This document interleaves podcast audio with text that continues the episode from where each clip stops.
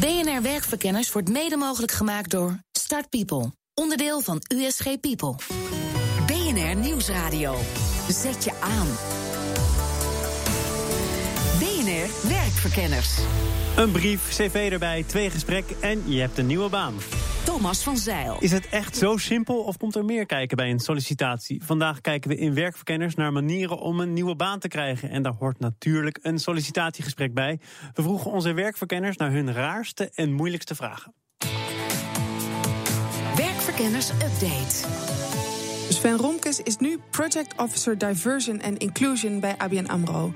Maar toen hij nog als docent werkte, was daar niet altijd evenveel begrip voor zijn handicap. En dit was de raarste vraag die hij ooit kreeg. Of mijn handicap ook uh, letterlijk was voor andere collega's.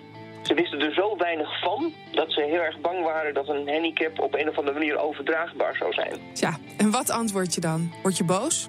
Ik heb ze vooral gerustgesteld over het feit dat een handicap gewoon een handicap is. En iets wat, wat bij je blijft. Dat het helemaal niet eng is of helemaal niet raar. En toen waren ze wel een beetje rustiger. Ook Simone Vis kreeg bij een sollicitatie een rare vraag over haar gedrag. Hoe heet je, hoe heet je team, hoe heet je medewerkers dat je niet zenuwachtig bent?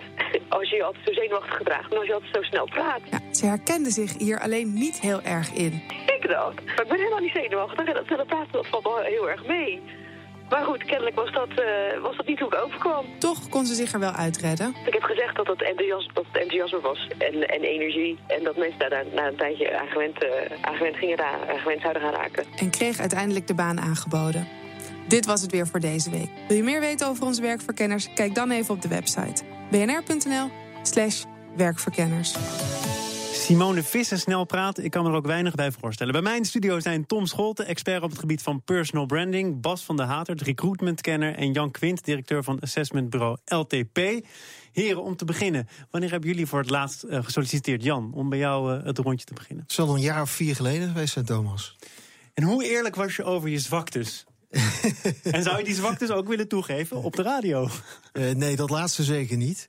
Uh, ja, eerlijk, eerlijk ben je, moet je over je zwaktes altijd zijn. Dan is het alleen omdat er toch naar gevraagd wordt. Ja, ik las een paar valkuilen tijdens sollicitaties. En daar stond één, te veel praten over jezelf. Twee, te eerlijk zijn over je zwaktes. En drie, meteen beginnen over geld. Maar die zwaktes, dat is dus kennelijk toch ook een moeilijk punt. Het is een moeilijk punt voor mensen. Je moet ook het zelfvertrouwen hebben om dat te kunnen toegeven, hè, je eigen zwaktes. Tom? Niet per se alleen over je zwaktes. Wanneer heb je voor het laatst gesolliciteerd? Uh, 2006. Ja, een hele tijd geleden. Ben je het geworden? Ja. Ben je ja. het altijd geworden tot nu toe? Um, nee, ik heb ooit voor een luchtverkeersleider gesolliciteerd. En dat is er niet geworden toen. Jammer? Um, ach, een hele andere. Ik heb een leuk leven nu, dus uh, het gaat prima. Waarom denk je dat je het meestal wel wordt? Um, het is inderdaad uh, eerlijkheid en een grote dosis zelfkennis. Dus um, als je weet waar je goed in bent en waar je voor geschikt bent... dan uh, solliciteer je op de juiste plekken of je wordt voor de juiste dingen gevraagd. In plaats van dat je voor de hele verkeerde dingen solliciteert. Gevraagd worden, dat klinkt wel als een luxe positie. Ja, dat is het hele personal branding verhaal. Dat je niet meer hoeft te solliciteren omdat je gevraagd wordt voor de dingen waarvoor je gevraagd wil worden. Dus, um, en dat maakt het een stuk makkelijker, want dan weet je zelf waar je goed in bent, maar weten anderen dat ook. Dus dan weten ze waar je van toegevoegde waarde bent. En kom je zo op een leuke plek terecht. Bas van Natert, wat was jouw laatste sollicitatiegesprek? Gesprek, dat is wel een jaar of elf geleden. En kun je het nog voor de geest brengen? Of is dat wel heel erg uh, met een laag stof eroverheen inmiddels ergens opgeborgen? Um, nou, een onderdeel van de procedure was dat ik een presentatie moest geven. Oh. Um, omdat presenteren onderdeel van mijn werk zou gaan worden. En dat staat me nog wel bij. Ook omdat ik toen... Um, dat was een dag voor de begrafenis van mijn oma. Dus ik weet nog dat ik ook totaal anders heb gedragen. En dat zei iedereen achteraf ook. Dat ik totaal anders overkwam dan dat ze verwacht hadden dat ik zou zijn. En was dat een reden om je juist wel of juist niet aan te nemen? Nou, in dit geval was het dus een reden om me wel aan te nemen. Ze hebben ook wel eens gezegd, ik denk niet dat we je anders hadden aangenomen. En achteraf was iedereen wel heel gelukkig dat ze me hadden aangenomen. Omdat ik wel heel goed functioneerde. Alleen maar de... met een andere gedraging dan tijdens het gesprek bleek. Absoluut. En daarom heb ik dus ook wel eens voorgesteld dat we misschien onze normen zouden moeten aanpassen uh, aan andere dingen. Omdat we misschien wel de verkeerde mensen af en toe selecteren. Jij zit nu aan de andere kant van de tafel. Jij Mhm. kunt mensen aannemen en dat doe je zonder sollicitatiegesprek. Waarom? Omdat ik weet dat, um, dat blijkt uit al het wetenschappelijk onderzoek, dat je uiteindelijk de um, kwaliteiten selecteert die je zelf ook hebt. En voor het vak waarvoor ik mensen wil solliciteren, weet ik dat ik zelf heel slecht ben. Maar als je het een beetje goed aanpakt, zit je toch niet alleen in een commissie die mensen aanneemt. Dan ben je toch een beetje complementair aan elkaar. Als zelfstandige zonder personeel ehm, is het best ingewikkeld. Ja, zonder om- personeel lijkt het me sowieso niet zo nodig Nee. om mensen aan te nemen. Nee, maar ik neem dus af en toe mensen aan om een bepaald eh, werk voor mij uit handen te nemen. En dan heb ik dus ineens, ben ik ineens zelfstandige met personeel, zeg maar tijdelijk. Maar ik ben in principe altijd eh, eh, zelfstandig. Dus ik heb geen commissie daarbij. Jan, hoe kijk jij naar deze, wat zou ik zeggen, verfrissende procedure? Nou ja, er zijn ook genoeg onderzoeken bekend waar je op basis van een algoritme mensen kunt selecteren. En zeker als het niet echt om gedragingen gaat. Dus puur over je ervaring, je kennis, competenties, dat soort dingen. Nou, als het om, om, om dergelijke zaken gaat, kun je dat ook via een algoritme doen met testen. En toevallig heb ik vanochtend de games inderdaad die dat gaan testen voor mij eh, ontvangen van, van een developer. Eh, daar ben ik nu een paar jaar mee bezig geweest om die eh, te optimaliseren. Dus Ja, inderdaad, als, dat, Bas, als Bas dan weet dat die games precies het goede meten, dan Nou, eh, doet Bas misschien het. dat eh, gaan we valideren. Uiteindelijk is het oud-medewerkers. natuurlijk ook belangrijk wie je aanneemt en hoe diegene zich presenteert. Dat zou je kunnen vatten onder de noemer personal branding. Tom, daar weet jij meer van. Je hebt me net het boek in handen gegeven, Personal Branding voor ZZP'ers. Kijk even naar je eigen branding. Tom Scholt is expert op het gebied van personal branding. Hij traint, coacht, organiseert, begeleidt, schrijft, blogt, tweet en leeft personal branding. En dan komt er ook nog iets over faciliteren. Ja. Lees ik nou heel veel hetzelfde of eh, zit er toch een heel groot verschil tussen trainen, coachen en begeleiden? Eh, nee, er zit echt wel een verschil tussen. En ik heb het meer, ik heb het uiteraard zelf geschreven, die achterflap. Eh, eh, ook als voorbeeldtekst. Ik moet zelf natuurlijk wel het voorbeeld geven. dat, het, dat het helpt om zeg maar, in je etalage een single focus te hebben. Hè, of, een- of één thema te hebben. Je mag van alles doen qua activiteiten, maar het handig om één thema te hebben. En dat personal branding is dan mijn thema, zeg maar, op, op basis waarvan ik alles doe. Eh, allemaal activiteiten onderneem. Wanneer moeten mensen gaan nadenken over hun personal brand? Want ik heb zelf geen idee welk merk ik ben, bijvoorbeeld. Ja, nou dan moet je, kun je nu beginnen, zeg maar. En je, moet, je moet eigenlijk met personal branding beginnen op het moment dat je het niet nodig hebt. Op het moment dat je nu een baan nodig hebt, dan moet je gaan solliciteren of eh, je inschrijven bij bureaus of mensen voor je laten werken. Maar het opbouwen van een merk, dat kost tijd. Maar waarom is het nodig? Ik heb nu toch ook een gelukkig leven en een goede baan, vind ik zelf. Waarom is het nodig? Omdat eh, de arbeidsmarkt verandert. Er wordt projectmatig gewerkt. Hè. Je hebt volgens mij geen vast contract. Ehm, dus eh, je, hebt, je hebt nu werk, maar heb je over een half jaar of over een jaar eh, nog werk. Dus daarom kun je parallel aan je huidige activiteiten beginnen met personal branding activiteiten. Bewust, eh, eh, bewust bezig zijn met reflecteren op wie je bent, wat je doet, wat je toegevoegde En waarde i- is er een verschil tussen de mens Tom Scholte en het merk Tom Scholte? En geldt dat dus voor iedereen of is dat min of meer hetzelfde? Eh, de ultieme eh, personal branding brengt dat met elkaar in lijn. Hè, dat, je, dat wie je bent, eh, met wat je uitdraagt en wat je in je werk kunt zijn. En daar ligt ook nog wel een uitdaging voor werkgevers. eh, dat het in lijn is met wie je bent. Ja, dat je net jezelf kunt zijn eh, op je werk. Sterker nog, Thomas, ik denk dat jij, of ik weet wel zeker dat jij een personal brand bent. Je bent er alleen niet bewust mee bezig. Want als ik het in de markt over werkverkenners heb, kent iedereen jou en heeft iedereen een mening over hoe jij dit programma presenteert. Zeg het voort. Ik merk dat Laura Walburg, de redactrice, enigszins begint te sputteren. Maar daar komen we misschien aan het eind van dit programma nog wel aan toe om dat een beetje recht te breien. De uitnodiging voor het gesprek is binnen. Hoe ga je er dan voor zorgen dat jij wordt gekozen? BNR Nieuwsradio. Zet je aan. BNR Werkverkenners. Het sollicitatiegesprek, een goede manier om met elkaar kennis te maken of een achterhaald mechanisme. Daarover heb ik het met mijn gasten. Tom Scholte, expert op het gebied van personal branding. Bas van der Hatert, de recruitmentkenner. En Jan Quint, directeur van assessmentbureau LTP. Een creatieve kandidaat die is goed in natte vingerwerk of een slimmer die snel kan rekenen. Antwoorden op de raarste sollicitatiegesprekken eh, en vragen kunnen veel zeggen over het brein en karakter van de sollicitant. In de UB van de Universiteit van Amsterdam legde verslaggever Elf van Toulaar de top drie gekke sollicitatievragen voor aan drie sollicitanten in spe. Hoi, ik ben Lieke. Ik studeer klassieke talen in Amsterdam. Tweedejaars.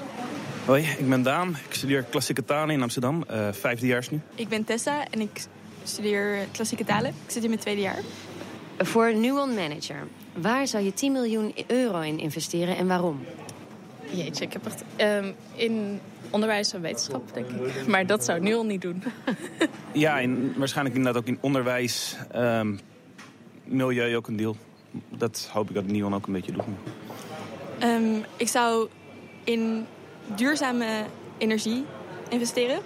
Want um, nou ja, dat is sowieso heel goed voor de, de toekomst van de aarde. Maar natuurlijk straalt het ook uh, een goed karakter uit.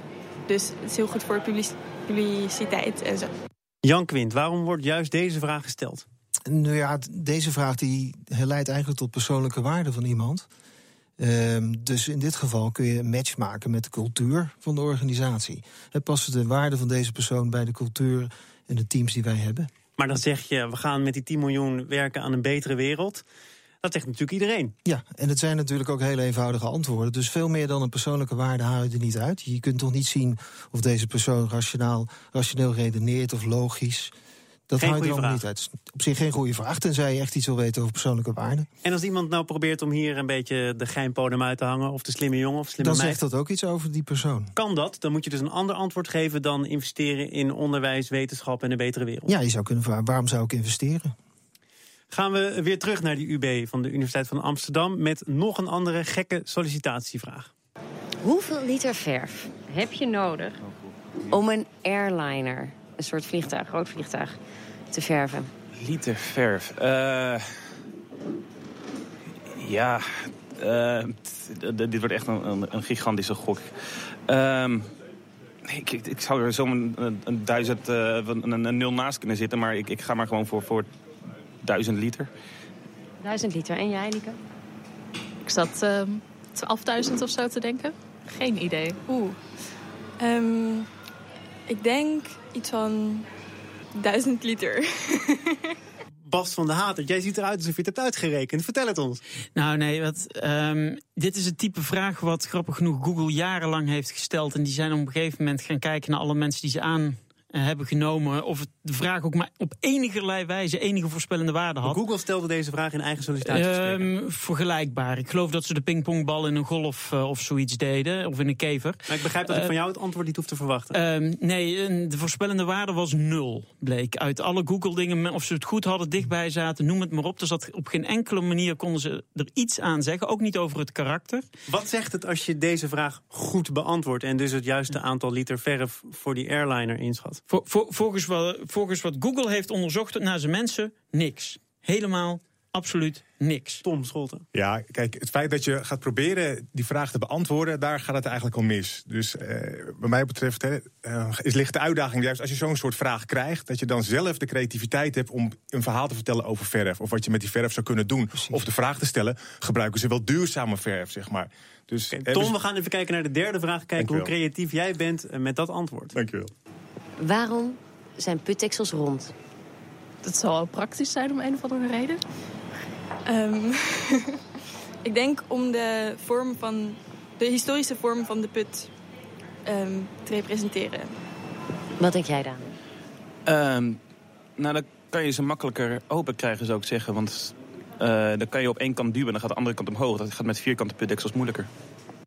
Waarom zijn putdeksels rond? Tom?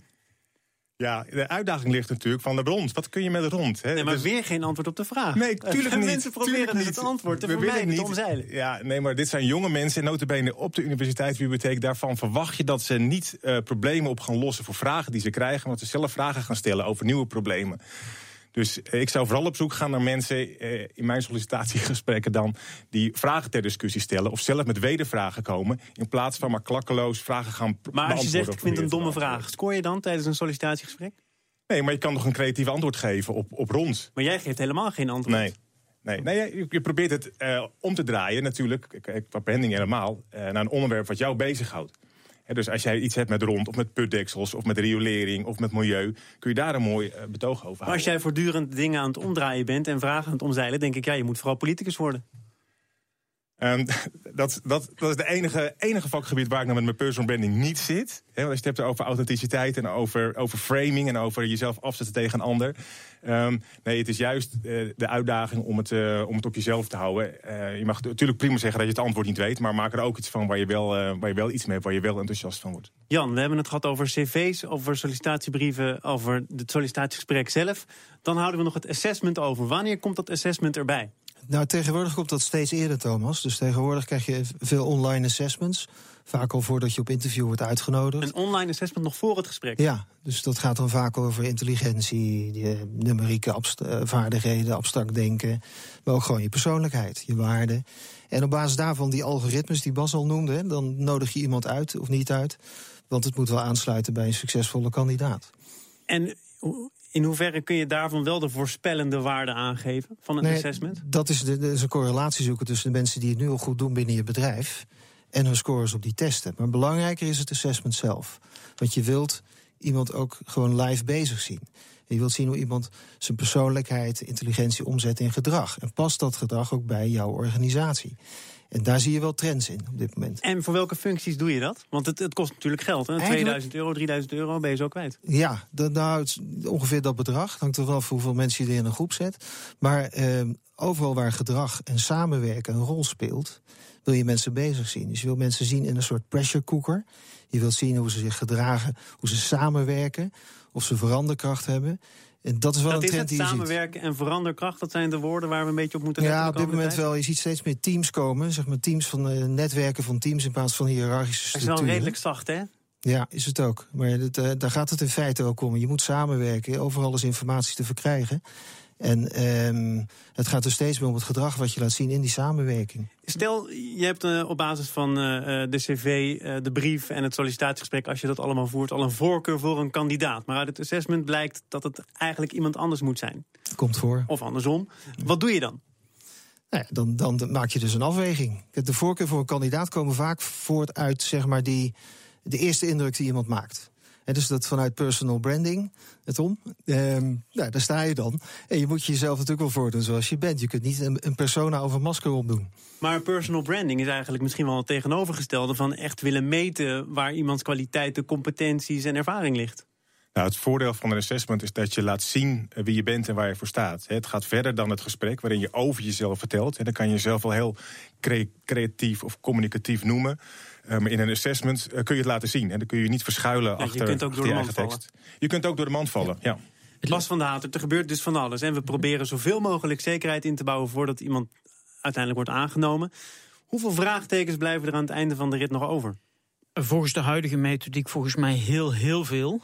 Eh, met name omdat we eh, heel weinig meten. Precies eh, wat Jan al zegt. We, we- kijken heel sterk naar de eerste indruk, naar het gesprek. Ehm, als ik kijk, we hebben het nu vooral over face-to-face assessments. Ik eh, voorzie zelf heel veel in digitale assessments op dit moment. En het ligt heel erg aan het soort werk wat je doet. Er zijn bijvoorbeeld fantastische assessments eh, voor callcenterpersoneel. Waarbij mensen worden getest, onder andere op oor. Eh, eh, handvaardigheid. Hè. Kan je foutloos typen en snel. Een van de belangrijkste zaken. Die mensen hoeven niet samen te werken. En ik zie daar dus een enorme toename in. En het mooie is, er was een tijd terug een eh, Amerikaans bedrijf dat testte wat deden je beste medewerkers.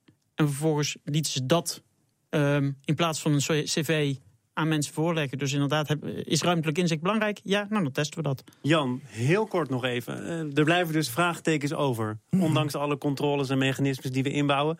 Is dat niet ook gewoon een zegen? Dat je het nooit helemaal zeker Je weet het nooit helemaal zeker. En eh, want er zijn hele mooie trends, gamified assessments, prachtige dingen. Maar uiteindelijk kiest iemand voor een organisatie vanwege de loopbaan, de carrière. Maar ze vertrekken allemaal vanwege een baas. Daar hebben we het dan misschien een volgende uitzending over. Dankjewel. Tom Scholte, expert op het gebied van eh, personal branding. Bas van der Hatert, recruitmentkenner. En Jan Quint, directeur van Assessment Pro LTP. Deze uitzending zit er bijna op. U krijgt van ons wel nog de wekelijkse arbeidstips. Vandaag, hoe regel ik een grotere leasebak? Werktips. Tip nummer 1. Ik zou vooral onderzoeken welke behoefte vervult het en kan het op een andere manier vervuld worden. Teamcoach Rosemarijn Dols. Dit soort vragen heb ik eerder gekregen in mijn eh, coachpraktijk. En dat was een man die een auto met een chauffeur wilde. Daar heb ik een uur over gesproken. Van waar staat die auto met de chauffeur voor? Wat streef je daar nou in vredesnaam mee na? En het bleek dat hij belangrijk gevonden wilde worden. Nou, volgens mij doe je dat niet met de auto, maar doe je dat vooral door betekenisvolle dingen te doen. Dus richt je pijlen ergens anders op. Iets wat voor jou belangrijk is. Tip nummer 2. Word gewoon fucking goed. Omdenkfilosoof Bertolt Gunster. Mensen die een grote leaseauto willen, dat hoef ik jou niet te vertellen. Weet iedereen wel. Het zijn natuurlijk hele sneuwe figuren.